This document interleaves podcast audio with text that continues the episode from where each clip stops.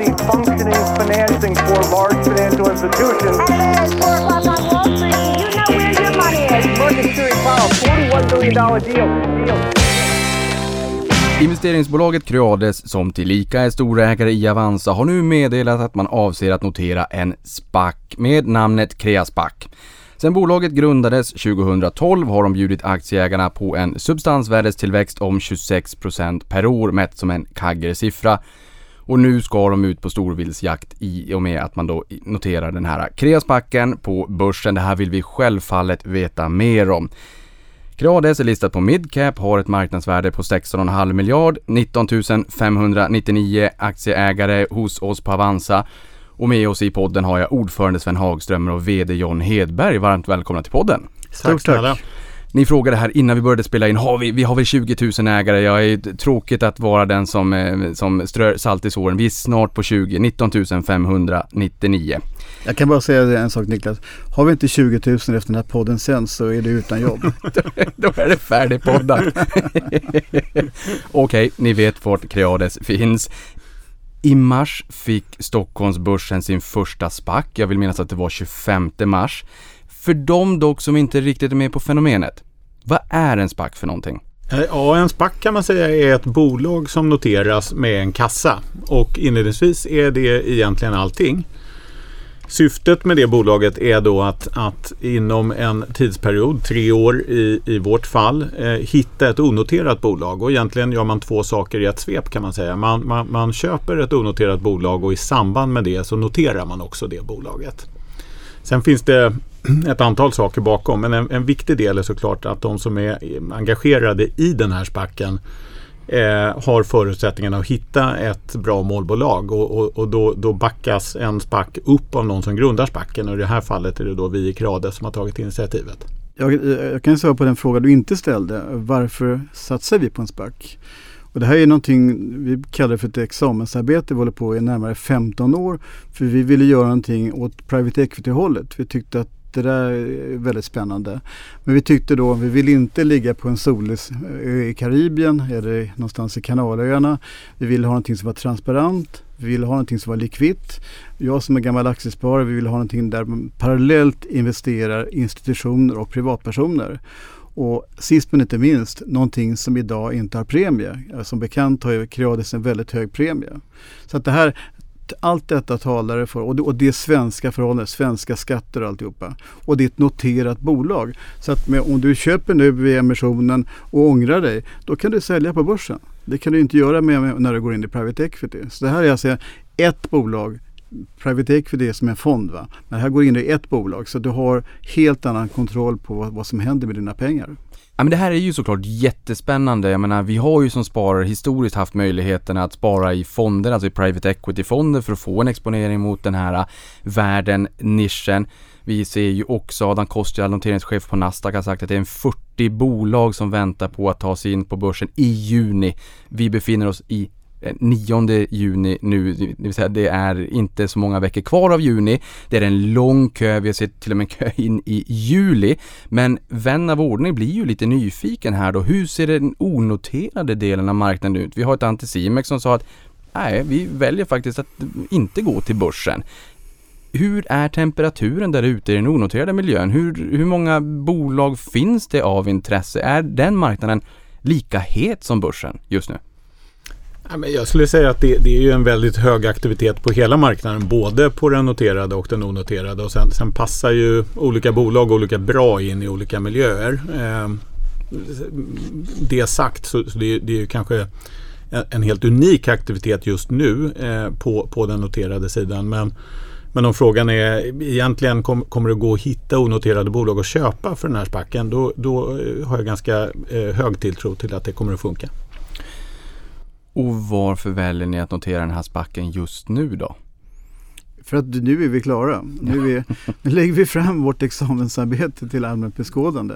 Utan att, eh, och det, här, det här var en process som Bure startade i augusti förra året. Det här tar tid. Framförallt att hitta den här nordiska formen så vi hoppas blir, alltså kommer få efterföljare. För att det här är ett väldigt spännande sätt att placera. Du sa ju här tidigare också att eh, ni har velat göra det här under lång tid. Mm. SPAC är ett relativt nytt fenomen. Mm. Ändå inte jättenytt. I början av förra årtiondet så såg vi en del SPACar i USA men den har fått en renässans 2020-2021. Var det det här som krävdes för att ni skulle känna att ja, nu har vi hittat sättet att göra det här på som vi ändå har velat göra under lång tid? Jag kan svara med två bokstäver, ja. det låter bra. Nej, men, det, nej, men det är verkligen, det här är alltså, för att vi har, av olika skäl har vi avbrutit processen där vi tycker inte att det har varit bra. Eh, Det har inte varit någonting som vi vill stå för på aktiemarknaden. Nu har vi hittat någonting som vi tycker är riktigt, riktigt bra. Och sen tror jag inte att det kommer bli någon specialskatt på spackar heller. Nej, vi får väl hoppas det. Hur mycket pengar vill ni ta in då? Vi vill ta in 2,5 miljard kronor. Och, och vi har tagit in knappt hälften av det på institutionella investerare. Och sen så den andra hälften ska ni på Avanza och SEB ta in för privatsparare. Och det har också varit väldigt viktigt att ha den här mixen. Och det är det som är en av skärmen, en av de olika skärmarna med en SPAC. Att man investerar parallellt i institutioner och privatpersoner. Så ni eh, kommer att tillstå 375 miljoner kronor. Ehm, det finns ju en rätt, eh, rätt intressant ägarlista här med ankare som är med här också. Det är ju ingen fel på intresset, uppenbarligen. Berätta mer om ankarna som är med från start på den här. För det första är ju för oss en, Jonneberg en ganska ovanlig situation. Vi som sitter och grillar stackars företagsägare här och så vidare och ställer obekväma frågor. Nu är det vi som har blivit grillade här i någon, i någon vecka av de här människorna. Och vi är otroligt glada och stolta att få det här gänget av ankarinvesterare. Alltså med, med då Landebo i spetsen. Som, som, som är, och och det, alltså den uppställningen också från deras sida. Så, men då kände vi att vi är någonting på spåren här. Vi tror att det här är någonting som kommer, det kommer flera av det. Landebo, Prior och Nilsson. Och vi har Robert och vi har SEB och vi har sist men inte minst Ramsbury. Kan ni säga någonting ändå om hur diskussionerna har gått från det att ni började höra av er och säga vet ni vad, vi har det här på gång till att det blev det här, ja det är väl kanske inte handslag nu för tiden riktigt, men tills dess att ni landade i det här och kände att ja men nu har vi faktiskt hittat någonting, vi är någonting på spåren, vi kör. Kan ni berätta någonting om hur diskussionerna har gått? Ja, men vi, vi har ju tänkt som Sven var inne på i flera år på vad vi kan göra för att expandera vår verksamhet. Eh, vi, vi tycker att Creades har ändå lyckats göra någonting. Vi har en modell som, som, som vi tycker funkar ganska bra och tittar man på vad vi har avkastat de sista både fem och tio åren så, så finns det fog tycker vi för den tanken. Eh, och, och som alla andra så tittade vi på spackar eh, så, sent, eller så tidigt som förra sommaren. Men, men just den här amerikanska spacken kände vi att den, den egentligen av två anledningar valde vi att inte gå den vägen. Dels tyckte vi att det var en, en lite skev fördelning eh, av värde egentligen mellan den som tar initiativ till spacken och de övriga investerarna. Och dessutom så, så i, med den formen så, så var det inte helt naturligt vad kopplingen var till Creades och till Creades verksamhet. Och sen får vi bara lyfta på hatten för Bure ACQ som har brutit ny, ny mark då när de kom med en mer nordiskt anpassad SPAC och då föll bitarna på plats. Och då gjorde vi egentligen två saker. Vi, vi parallellt eh, lite tidigare i år så tog vi in en ny emission på en miljard in i Crades och, och det ger ju då oss, oss möjligheten att vid sidan om våra Cornerstone-investerare här faktiskt vara den största investeraren i vår egen SPAC och det tycker vi också är en viktig sak att vi sätter våra pengar där, eh, där vår mun är så att säga. Eh, och, eh, så vi har tänkt väldigt länge på det. Sen har det varit en intensiv period egentligen från och med mars i år kan man säga. Som nu förhoppningsvis eh, går i mål före midsommar. För här, de som lyssnar på det här också funderar lite grann. Det är ju inte jättevanligt ändå att man ser att ett eh, investmentbolag eller investeringsbolag då i det här fallet tar in pengar. Men ni har ju också en premievärdering. Kan ni berätta för lyssnaren bara hur, hur man tänker där och hur det är möjligt? Hur, hur, hur kunde ni resa nästan en miljard? Jo men jag har ju ägnat nästan hela min karriär åt investmentbolag. Jag köpte mina första aktier när jag var 12 år. Va? Och det, det har alltid varit att investmentbolag ska ha rabatt. Den ska ha maktrabatt för man har sett makten före pengarna så att säga. Och, och, och så det här är någonting helt nytt och det, det, jag tycker att det här, här är ändå folk som under en lång tid har gjort nytta för aktieägarna, investmentbolaget som grupp. Och vi är ju ganska nytt investmentbolag men att få den här premien den är, den är jätterolig på kort sikt. Men den är uppfordrande för att det är, det är inte att somna om här utan liksom här gäller det att vara alert 24-7 i princip. Så att, så att kunna göra en nyemission och få in institutioner, det, det, var, det var ju väldigt uppmuntrande. Så att kan vi göra det här med en, med en, med en hygglig premie, det var 15 procent, så borde spacken också. Det var flera som sa nej, vi vill inte köpa aktier, vi köper, om, ni, om ni kommer med en spack så är vi gärna med. Så, så att spacken, det där är, är ju utan premie. Det är lite grann att där är man med från början. Man är, med, man är medgrundare kan man säga, de som kommer in nu. Och det är också väldigt roligt. Istället för att köpa någonting begagnat som kommer ut på börsen som någon annan tjänar massor med pengar på så är man med från början. Ja, precis. Man får vara med liksom från den initiala värdeskapande resan. Det vet vi både i USA, småsparare har ju, det är ganska omöjligt idag att vara med i börsnoteringar om man inte är en ultra high net worth individual och i Sverige är det också ganska svårt i och med att intresset är väldigt stort såklart.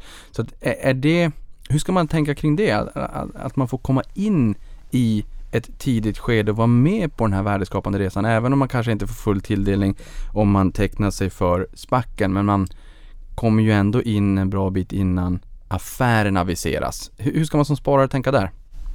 Ja, det, det, är väl en möjlighet som eh, eh, sparare just att, att få komma in på precis samma villkor som de lite större elefanterna då eller institutioner. Ehm, eh, och eh, det tycker jag man ska göra om man känner att man, att man vill ta rygg på, på Creades eh, eftersom det är faktiskt Creades investeringsteam som kommer att leta investeringar för Creaspac.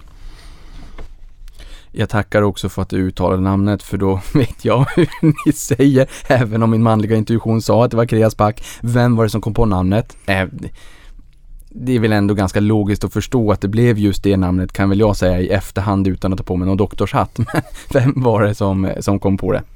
Ja, det var väl internt men, vi, men sen Ja, men då, och, och, någon, och någon frågar, går in på, alltså tittar efter på vad som är registrerat. Ja men det är ju lite märkvärdigt, vi ska starta en spackelfabrik. med, en, med en så fin styrelse. Den finaste styrelsen någon spackelfabrik i hela världen skulle jag säga. men, men det här med investmentbolagen då, när det kommer till att ja men det är väl självklart att investmentbolag ska ha en rabatt och det är, eh, det är en maktrabatt och man sätter makten före, eh, före pengarna. Gör Creades det? Nej men vi har ju inte, vi har ju faktiskt satt avkastningen framför allt och sen kanske det tar eh, ganska lång tid innan man får eh, eh, betalt för den ansatsen. Men det är ju ett faktum att vi har ju levererat en avkastning som är långt eh, över index under en lång tidsperiod. Och då är det inte lika självklart att man ska handlas med en rabatt. Hur ser sponsorvillkoren ut då? För jag menar, det här har ju varit ett fenomen som har eh, blivit väldigt stort i USA, lugnat ner sig lite grann och sen så ser vi här att det är på gång världens största SPAC nu i USA. Så det var upp som en sol och sen ner lite grann och sen så verkar intresset ta fart nu igen.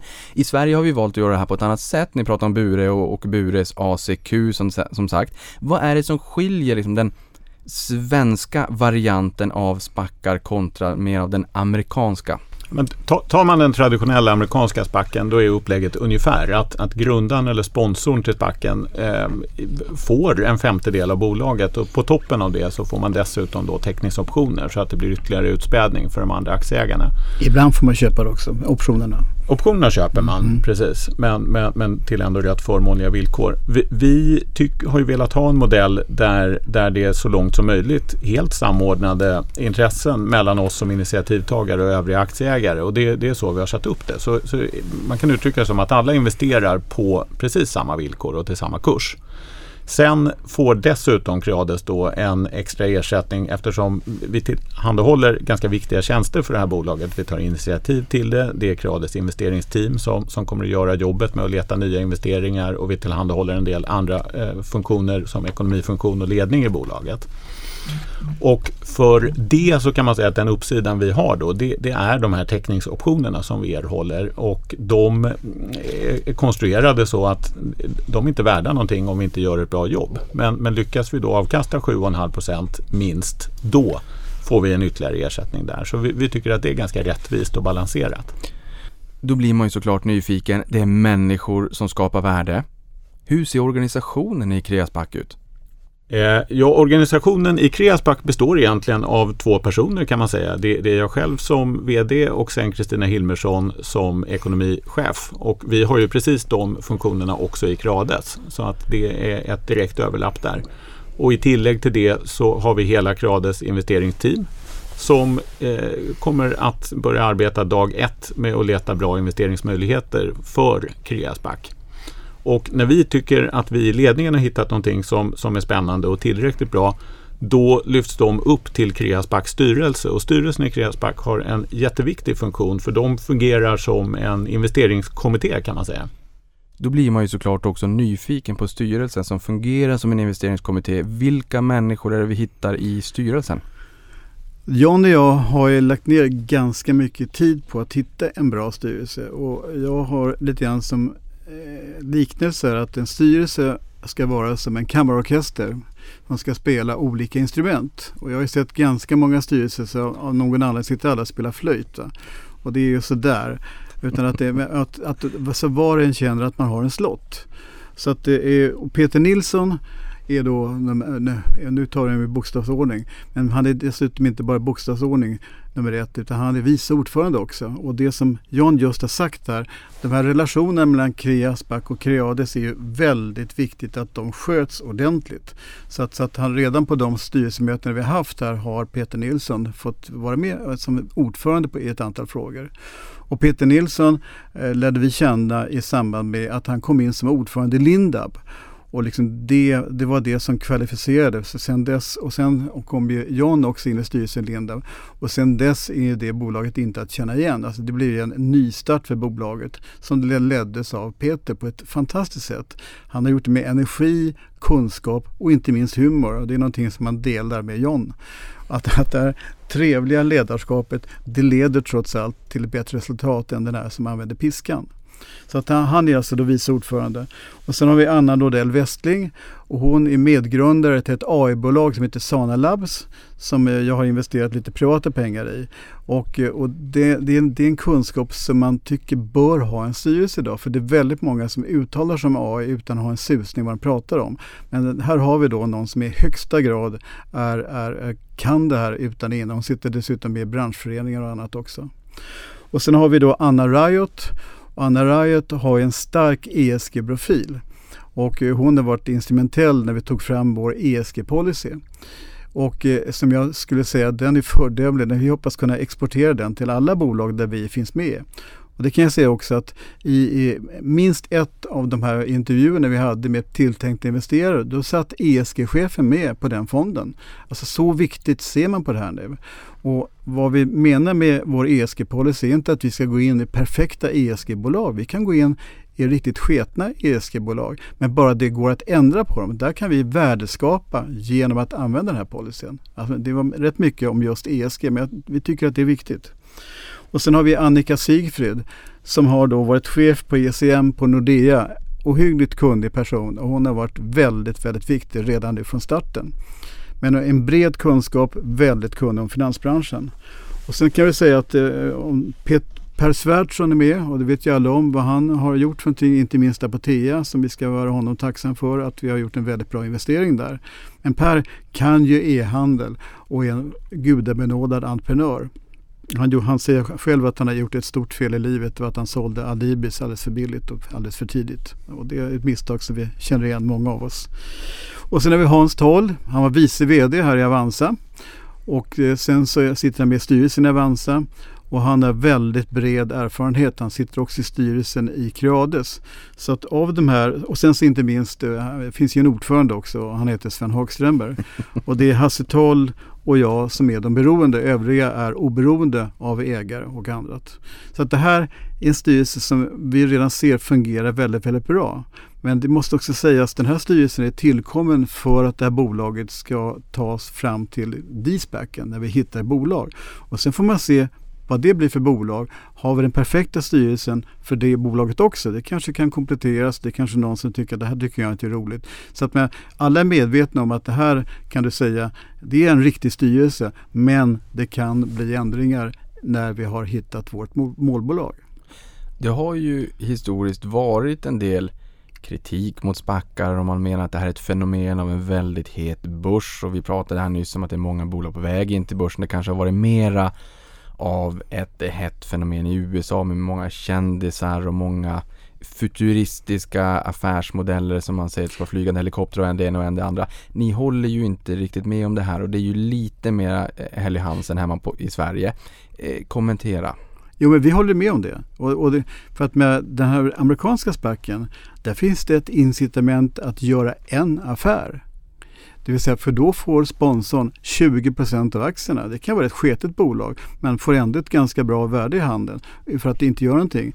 Vi får ett värde i handeln om vi köper ett bra bolag som utvecklas bra. Då har vi, precis som Jan har sagt flera gånger här, att då, vi måste göra skäl för pengarna. Då är vi värda att få ett värde på våra optioner. Så det har varit, och vi tycker att det är så självklart. Va? Men, men det blir ju så när det är, finns för mycket pengar och finns en hel del okunniga investerare. Då blir sådana här gal, galenskaper som i USA. Det är som, jag gillar inte bitcoin. men alltså, så det, det, blir avarterna också. Med, och det här är lite grann tillbaka till jorden. Med fötterna på jorden. Det är så vi svenskar. Vi är lite osentimentala och vill ha någonting som vi långsiktigt är bra. För vi vill ju kunna se våra investerare i ögonen och ge dem en bra affär. Det är liksom vad vi är till för. Vi vill också kunna se oss själva i ögonen kan man säga. För ja. vi är ju den största investeraren här. Så mm. att vi, vi investerar ju själva ett betydande belopp i Kreasback. Ja, för det här tycker jag blir lite intressant. Jag menar, de vi har sett i Sverige ser vi ju ändå att både eh, Bures ACQ, de som var första 25 mars och ni nu, om jag har tolkat det hela rätt, vill ju kvarstå som en långsiktig ägare i det här bolaget som ni med ljus och lykta ska ut och leta efter.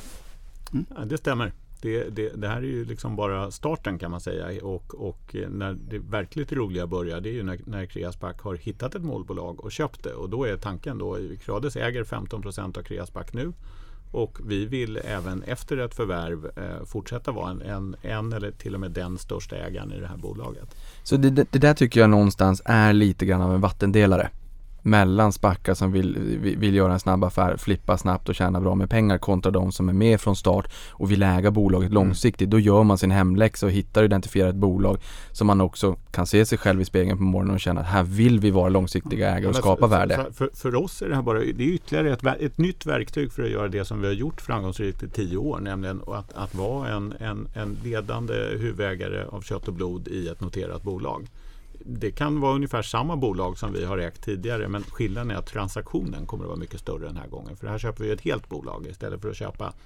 10% som vi gjorde av Lindab en gång i tiden. Det är skillnaden. Ja, för det intressanta här, jag menar, ni har ju ett substansvärde på 9,2 miljarder och dessutom nästan en miljard i torrt krut av det här då.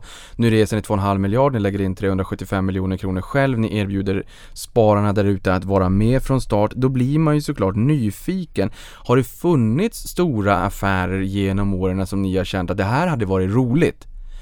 Men den inte haft de finansiella musklerna fram till att den här lösningen kom och att det här egentligen adresserar affärer som inte riktigt har varit möjliga. Även om ni har sett de här elefanterna på radarn så kanske ni inte har gjort dem, är det så? Jo, de, det har funnits sådana affärer. Men vi, har, vi ser alltid på risk. Men, vi lever ju från det vi vaknar till vi somnar med, med risk. Att, det, att hur stor andel av portföljen får det här vara? Ja, men, det kan vara Tink, det kan vara Apotea, you name them. Att vi har då anpassat de här, de här eh, poletterna till storleken på bolaget. Hur stor risk i förhållande till vårt totala kapital är vi villiga att ta. Va? Så, och, och därför och det, det, var också en väldigt viktig fråga för oss. Hur ska vi dela upp det här? Vad ska Kreasback titta på och vad ska Creades titta på? Så vi, vi tittar, vi ska vi branscher och säga det blir bara det blir stylt, uppstyltat. Vi har ju vår kunskap. Vi vill använda all vår kunskap fritt till att hitta bolag till Kreasback. Då blev det storleken som avgjorde det. Då blir det ett väldigt naturligt stängsel mellan Creades och Kreasback. Och so far so good. Jag tror att det var ett väldigt bra val men jag måste ju tyvärr erkänna att det var inte vi riktigt som kom på det. Utan det var även där Bure. Och då tyckte vi, då var det ett bra lackmustest de gjorde att när de lanserade så tittade jag jättenoga på, har de fått kritik för det? här? Nej, det, det alla tyckte det var en väldigt bra uppdelning för den var väldigt tydlig. Då blir man ju också nyfiken på hur eh, hur påverkas aktieägarna i Creades av den här eh, affären och att ni nu noterar Creasback? Hur ska de tänka?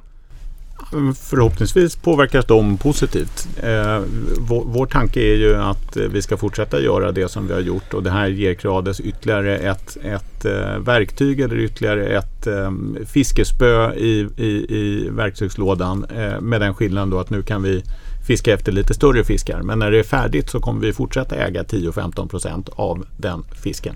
Fiska lite större fiskar, ni ska på Big Game Fishing om någon av er har varit ute på det någon gång. Eh, det är väldigt roligt. Men det här blir man lite nyfiken på. Hur, skiljer sig Creaspacks investeringsuniversum från Creades? Vi har varit in på det lite grann. Men ändå, det är ju ändå lite grann två olika jaktmarker.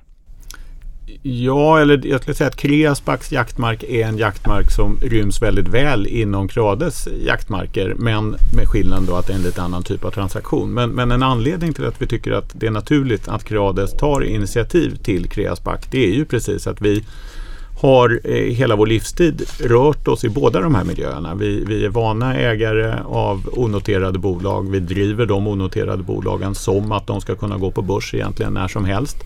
Men i tillägg till det så är vi ju också, tycker jag, bevisade som stora ägare och långsiktiga ägare i en noterad miljö. Så att eh, det, det, kommer vara egentligen ett totalt överlapp skulle jag säga utifrån vilken typ av investeringar vi vill göra. Och vi är ju egentligen inte eh, nischade eller fokuserade på specifika industrier utan vi gillar att investera utifrån teman. Och de här temana i Creades de kommer gå 100% igen också i Creasback. Och, och, och då, då gillar vi vi, vi gillar att hitta långsiktiga trender i samhället och investera i bolag som gynnas av dem. E-handelsbolag kan vara ett exempel. Avanza där vi sitter idag är också ett jättebra exempel. Eh, sen gillar vi att investera i bolag som står vid någon slags vägskäl. Eh, kan handla om en snabb tillväxtresa eller ett bolag som har hittat en, en modell som funkar väl i Sverige och så kommer vi in och hjälper till att expandera den internationellt. Och ett, ett tredje och sista tema kan handla om bolag som kanske inte har en, en tydlig huvudägare eh, som driver en värdeskapande agenda och där ser vi att vi kan komma in. Eh, så det är egentligen det vi utgår från. Sen har det historiskt och lär även i framtiden eh, innebära att det finns ett visst antal branscher som är mer sannolika än andra. Och tittar man på Creades portfölj idag och också vad vi tittar på framåt och även vad Creaspac kommer att titta på så finns det absolut en tyngdpunkt i finansiella tjänster hela e-handelsuniversat, både e-handlare men också e-handelslogistikbolag som Instabox till exempel. Eh, sen gillar vi SaaS och mjukvarubolag och även då eh, mer traditionell verkstad eller Industrial Consumer Goods. Så det hygglig sannolikhet att eh, även Kreasback kommer med tiden att förvärva något där. Eh, och ett annat sätt att, att, att fundera kring vad Kreasback kommer att investera i det är ju faktiskt också att, att, att kommentera vad vi inte kommer att investera i. Och eh, vi, vi, lever ju såklart på att ta risker. Eh, men för oss är det extremt viktigt att, att veta vilken typ av risker vi tar och också att det är risker som vi kan påverka. Så en, en stor sak för oss är att vi lägger mycket tid på det och, och gillar och föredrar situationer som är ganska enkla och ganska förutsägbara. Och i det ligger ju då att inte ta på sig risk som vi inte kan, kan eh, påverka. Vi vill vara herrar över vårt eget öde. Eh, mer konkret då så finns det ett antal situationer som vi aktivt undviker. En sån är att vi inte vill ha exponering mot bolag som är eh, påverkas till stor del då av makrofaktorer eller cyklikalitet. Det kan handla om råvarupriser eller valutor.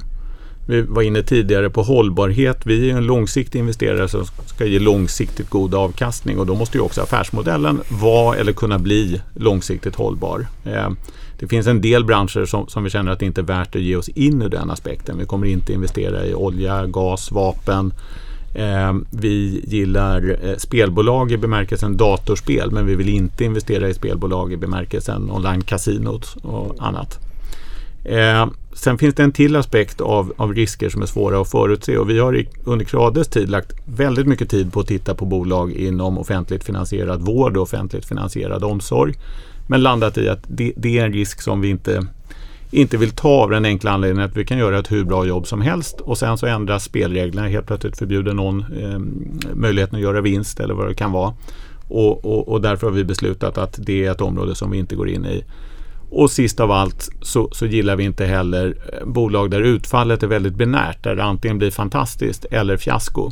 Och, och, ett exempel på det då kan man väl säga är lite mer avancerad biotech eller avancerad läkemedelsutveckling. Dels kan vi inte tillräckligt mycket om det så det är en god anledning att hålla sig borta. Men, men generellt sett utfall som antingen är, är himmel eller helvete, det låter vi gärna bli. Det som kanske är mindre känt när det kommer till Creades, även fast det är liksom, det, det, går inte att missa om det är så att man gör sin hemläxa såklart. Men det är ju ändå att ni har investerat i Europas numera största gamingbolag, Embracer. Har ni fått blodad tand när det kommer till just gaming? Skulle det kunna vara rimligt att se att det skulle kunna vara ett alternativ kanske, för det här är ju såklart en bransch som, som växer väldigt kraftigt. För den som är lite nyfiken nu och liksom vill grotta in sig lite grann, ni kan ju såklart inte säga någonting och inte ha någonting uttänkt förvärvsobjekt men ändå skulle det kunna vara en väg att gå. Jag kan svara så här på det. Det är ju som du säger att vi, vi, ehm, vi kan inte tala, eller får egentligen inte innan det här är på plats, eh, ha, ha konkreta eh, investeringar i åtanke. Men, men däremot så är det ju logiskt att, att utgå från våra teman. och, och Datorspelsbranschen generellt eh, är ju ett superbra exempel på, på vårt första tema då. En, en stark underliggande trend Eh, och som vi tror är långsiktig och det har ju inte minst pandemin visat med, med stark tillväxt för den typen av bolag. Så att eh, eh, datorspelsbolag är absolut i fokus utifrån vår investeringsstrategi. Kommer ni att leta ett bolag som på något sätt kan ge synergier mellan portföljbolagen eller kommer det här stå helt på egna ben? Nej, men det, det, den enda synergin är väl att vi igen gillar att investera i en viss typ av bolag och det är klart att det är enklare att investera i bolag där vi har en historik och kan någonting. Då får vi dels ett flöde av investeringar och dels tror vi vi är bättre på att utvärdera bolagen. Sven, det ser ut som att du har en tanke. Nej, men jag sitter och lyssnar på John här så är det inte fantastiskt att nätet skapades för 25 år sedan. En hel generation sedan. Och så sitter vi här då 25 år senare och pratar alla de möjligheter som finns på nätet. Och, och, det är det som är den omstrukturering som har skett i Creades portfölj de här åren har ju varit att vi har tagit ut de gamla typerna av bolag och in med bolag som finns med i infrastruktur eller på nätet i någon form. Va? Att det, du vet, ja, nu har tåget gått säger folk. Ja men det har de kunnat säga till 25 år och fortfarande så går det nya tåg varje dag. Det är det jag tycker är tjusning med aktiemarknaden. Att du, du kan missa ett tåg, du kan lägga på stranden eller haft någonting annat för dig. Då går ett nytt tåg. Så att, så att det, vi ser så mycket möjligheter. Och alla de idéer som var år 2000, det var alldeles för tidigt för det var inte tekniskt, var nätet inte moget för det. Men de, den ena efter den andra har blivit verklighet verkligen. Det är lite grann som T-centralen, det kommer tåg hela tiden. Ja, det går också. Det, det går. lika många. det går lika många tåg som vad det kommer Och du är tåg. inte med på varje. Sven, du brukar prata om eh, liksom, att gå upp till altaret tillsammans och att man liksom inte ska ha en, en plan för hur man ska skilja sig innan man ens har gift sig. Nu kommer ni ju vara långsiktiga ägare i det här tilltänkta bolaget då som Kreaspark ska identifiera och köpa framåt det här guldkornet. Ni har ju tre år på er att eh, planera det här tilltänkta bröllopet. Kommer det ta så lång tid? Det vet man ju aldrig. Eh, men vi vill ju gärna att det ska gå snabbare än så. Vi kommer ju börja jobba stenhårt från dag ett såklart. Eh, men, eh, men det stämmer att vi har upp till tre år på oss att göra ett förvärv men kan gå lite snabbare. Ni, jag vet att det inte går att säga någonting. Det här, den här frågan ställde jag till, till Bures ACQ också. De sa ju nej men vi skulle gärna vilja se det här kanske på 12 månaders sikt. Det går inte att lova någonting. Vi får se. Vi har tre år på oss och det är lite längre än i USA så att säga. Men, men det hade varit roligt om vi inte hade behövt bli tre år äldre. Nej, men jag, jag, tycker det ärliga svaret är det är klart att vi vill både så att säga köpa ett så bra bolag som möjligt och så snabbt som möjligt. Och de får man väga mot varandra. Mm. Vi har ju pratat lite grann här under podden också om att det är människor som skapar värden och sen starten 2012 av Creade så har ni ändå lyckats generera en substansvärdestillväxt om 26% per år då mätt som en CAGR-siffra, vilket är imponerande. Jag är ju naturligtvis jävig, ni är storägare men det går inte att komma ifrån. Det här är en jättebra eh, tillväxt under den här tiden. De här människorna kommer också stå till Kreasparks förfogande och kunskapen, kontaktnätet, vilket är väldigt imponerande. Vad har varit framgångsreceptet under den här perioden? Och att lyssnaren då kan tänka till, det här framgångsreceptet kommer förmodligen också kunna spela in sig på Kreasback. Jag tror det finns lite olika viktiga ingredienser eh, och en viktig sak är just den här långsiktigheten. Att vi är inte en fond eller en utpräglat finansiell investerare utan vi, vi har ju egentligen ett evigt perspektiv på de investeringarna som vi gör och, och har man ett evigt perspektiv så är en del av det att, att det behöver vara en uppgörelse och en transaktion som, som funkar och som ger energi för alla deltagare i det. Det vill säga både oss och grundarna i de bolag som vi köper. Det, det, gör eh, bland annat skulle jag säga att vi får nog tillgång till en, en, en viss typ av affärer som, som kanske faktiskt inte är tillgängliga på samma sätt för en fond som har en livstid på fem år och där man i samma andetag som man gängar sig även bör prata om hur man ska skilja sig. Så att det, det, är en del. Jag vågar säga att vi, vi har ett, ett flöde av investeringsmöjligheter som, som, som skiljer ut sig i, i vissa fall. Eh, en annan del i det är såklart då möjligheten att, att utvärdera investeringar på ett klokt sätt och, och där finns ju då Creades investeringsteams eh, erfarenheter eh, med och, och tror jag också är någonting som ökar sannolikheten för att, att vi kommer att hitta rätt investering och göra rätt typ av investering. Och när det är färdigt då, alltså den tredje och sista delen handlar ju om att, att eh, fortsätta göra bra saker med de bolag som man äger. Och där är en viktig del för oss att vi, vi vill ju helst inte göra det här själva utan i princip alla våra investeringar gör vi ihop med tidigare grundare eller entreprenörer i bolagen och det är något vi väldigt gärna ser även för Kreasbacks investering och vi har ju möjligheten att till exempel betala med en kombination av kontanter och aktier och, på den vägen då eh, utveckla bolaget i, eh, tillsammans med grundarna. Så att eh, det, det hoppas vi att vi eh, kan fortsätta göra även med Kreasback. Är det enkom ett svenskt bolag ni letar efter eller skulle det kunna vara så att ni hittar ett, ett utländskt bolag? Ja, men vi har ett rätt tydligt fokus på Sverige och Norden ska man säga. Eh, sen kan det ju finnas eh, bolag som har huvudkontoret där men verksamheten till stor del på andra ställen. Eh, men, men inriktningen för det bolag vi ska köpa är att det ska vara ett svenskt eller ett nordiskt bolag. I början här så pratade vi om vad en SPAC är för någonting för den som inte har, liksom, har riktigt koll på det här. Det är ändå ett nytt fenomen även om vi nu har liksom haft en SPAC på, på börsen i, i tre månader i Sverige. Men på den vägen, hur kommer det här gå till från ax till limpa. Nu har ni aviserat att ni ska notera Kreasback och villkoren. Nu poddar vi här, nu berättar vi för lyssnarna vad ni har tänkt och sådär. Men härifrån och framåt då? Vad händer nu?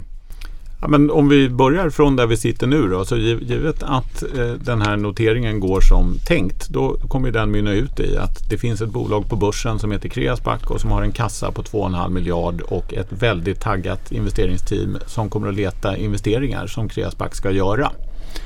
Och eh, ja, vi var inne på det kort förut, men ledningens uppgift är ju att hitta många investeringar. Sen går det upp till Kreasbacks styrelse som vi har talat om och de kan säga bu eller bä, men, men säger de ja, ja då, eh, när de tycker att en investering är så pass intressant att den ska tas upp för beslut. Då, um, och det här är en, en, en trevlig eh, aspekt med spacken tycker vi att det är ju faktiskt aktieägarna som direkt bestämmer om det ska bli ett förvärv eller inte. Så att när styrelsen tycker att de har ett tillräckligt bra förslag då lyfts det upp till stämman och där får aktieägarna säga ja eller nej. Men givet då att, att över hälften av aktieägarna säger ja då sker förvärvet. Och då kan man säga att spacken går in i den andra halvleken och den kanske ännu roligare halvleken för då börjar ju jobbet på riktigt. Eh, och eh, då, då, förvärvas ett onoterat bolag eh, och går egentligen upp i Kreasback och där, där sker då också en, en listningsprocess eh, där det här onoterade bolaget ska bli noterat. Och det tar ett antal månader. Och när det är färdigt då är då målbolaget på börsen med de ägare som finns i Kreasback idag. Och vad händer då om aktieägarna inte väljer att rösta ja på bolagsstämman. Jag förstår att man också sonderar terrängen med de stora aktörerna, ankarna, inte för alla andra, men ändå att man sonderar terrängen när det här blir känt för marknaden, vad man har tänkt sig för att förvärva för bolag och kanske inte går till stämma om ingen vill att ni köper det här bolaget. Men givet att det ändå finns en ganska stark konsensus, men för de som då röstar nej, vad händer då? Mm. Ja, men givet att det blir ett förvärv och då måste ju minst hälften av aktieägarna ha röstat ja. Men det, det kan ju finnas enskilda aktieägare som av olika anledningar inte vill vara med. Och, och då finns i Kreasback, precis som i Bures ACQ, eh, det här minoritetsskyddet. Så att av de aktieägare som, som har röstat nej på stämman, de, de kan begära att få sina aktier inlösta. Och, och, då får man egentligen tillbaka sin investering minus då de kostnader som har uppstått i spacken eh, fram till investeringstillfället. Och den möjligheten finns för upp till 10% av aktierna. Skulle det vara fler än 10% som vill lösa in sina aktier då får man lösa in i relation till hur stort aktieinnehav man har. Eh, sen finns det ju ett annat sätt om man inte vill vara med och det tycker jag är en till eh, bra sak med, med instrumentet SPAC. Att det, det är ju daglig handel i den här aktien så att man kan egentligen välja att kliva av när som helst genom att sälja sitt innehav. En sån där liten filosofisk fråga som jag tänker på det är ju när det kommer till hur man tar sig till börsen. Det kan vara en vanlig börsintroduktion, det kan vara en direktlistning, det kan vara i form av ett SPAC-förfarande, det kan vara ett omvänt förvärv, det kan vara det ena och det kan vara det femte i och med den här kritiken som har varit mot spackar och då kanske främst amerikanska spackar har vi sett att vi, vi gör på vårt sätt i Sverige och vi kvarstår som långsiktiga ägare i det här bolaget som vi vill förvärva. Men är det egentligen i efterhand någon som bryr sig om hur ett bolag kom till börsen? Jag föddes på Bodens BB och då blev jag väl som jag blev. Men jag menar, är det någon som bryr sig på börsen i efterhand hur bolagen föddes? Hur de kom till börsen? Vi, man utvärderar väl bolagen på egna merit. Jag tänker nu är det en SPAC här ah. och sen så hittar ni ett bolag, bolaget tar SPACens plats men sen är det ju bolaget på egna meriter som ska attrahera investerarnas gunst. Bryr man sig om att den kom i form av en SPAC en gång i tiden? Det, det tror jag inte men Alltså, eh, om det händer en olycka och så vidare, då tittar man om det är någon som har krypit in i det här tomma skalet och sådana saker. Så att så då först kommer den granskningen upp. Men, men, men som det är här så är ju, men vi är ett börsnoterat bolag. Vi bör ju ha en viss vana, vi börsnoterade bolag. Så, och, och SPACen har ju nu blivit, det, det, det, är ett nytt verktyg som vi har sagt flera gånger. Så men, jag tror att du har helt rätt. Och sen är det också så att som till, tillägg till det som John sa här att vi är ju entreprenörer. Vi har ju startat det här Creades för, för lite drygt tio år sedan. Så att, och det, det är det vi har gemensamt med de här människorna vars bolag vi ska, vi ska titta på. Och det har ju varit också som, och även, jag, jag repeterar lite grann vad John har sagt, för att men det har varit så väsentligt för att de gillar att ha som ägare de här bolagen. För vi tänker ungefär på samma sätt, vi talar samma språk. Och det här är väldigt, väldigt viktigt. För att med det, det, kommer man från en annan värld så då, då, kan man inte förstå varandra. Utan vi har ganska likartade problem, vi har ganska likartade möjligheter. Och en sak till som vi, vi har gått i, i, två bolag som vi har tackat nej i första omgången för vi tycker att det var lite för svulstig värdering och så vidare och det där med framtiden var lite kanske väl optimistiskt. Och sen så något år senare så har vi tackat ja lite till ett högre pris men då visste vi att de här kan leverera med VD i spetsen. Och så, så att det där, alltså, och nya, jag vet inte hur många gånger jag har nämnt risk idag, men i det här fallet så blir det ju lite större bolag och då har de bevisat sin plats på marknaden. Så vi behöver inte ha någonting till påseende. Vi, vi får bara en chans. På första skottet så ska vi träffa rätt. Va? Och det, det är liksom den stora utmaningen. Men, vi, men vi, vi har, det är ganska få skott som inte varit tavelträff ens av det vi har gjort de andra 11 åren. Så, så att det, det, finns en viss vana vid det. Och ni tar ju in som sagt, och ni tar in 2,5 miljarder, ni tillför 375 miljoner själv av den här 2,5 miljarderna bolagsvärde, liksom prislapp uppemot 5 miljarder. Är det, är det i, den, i den här raden vi befinner oss? Är det maxtaket för vad ni kan köpa för? Ja, vi, vi, vi, säger att vi letar bolag där då aktieinvesteringen ska vara mellan 2 och 5 miljarder. Och den nedre gränsen där den sätts utifrån regelverket för spackar på Stockholmsbörsen. Så att av de här 2,5 miljarderna så måste man sätta en viss andel i arbete för att det ska räknas som ett, ett D-SPAC-moment då eller ett förvärv. Och, och, den gränsen för oss hamnar strax under 2 miljarder. Uppåt finns det lite mer flexibilitet. Eh, dels då som vi var inne på att vi kan ju välja att betala med en kombination av eh, kontanter och aktier. Eh, och, och självklart kan vi använda belåning och så vidare. Vi har även ett, ett mandat till Kreas Bank att i samband med förvärvet göra en riktad nyemission på ytterligare 20 procent av kapitalet. Så att den, den gränsen uppåt kan vara lite större.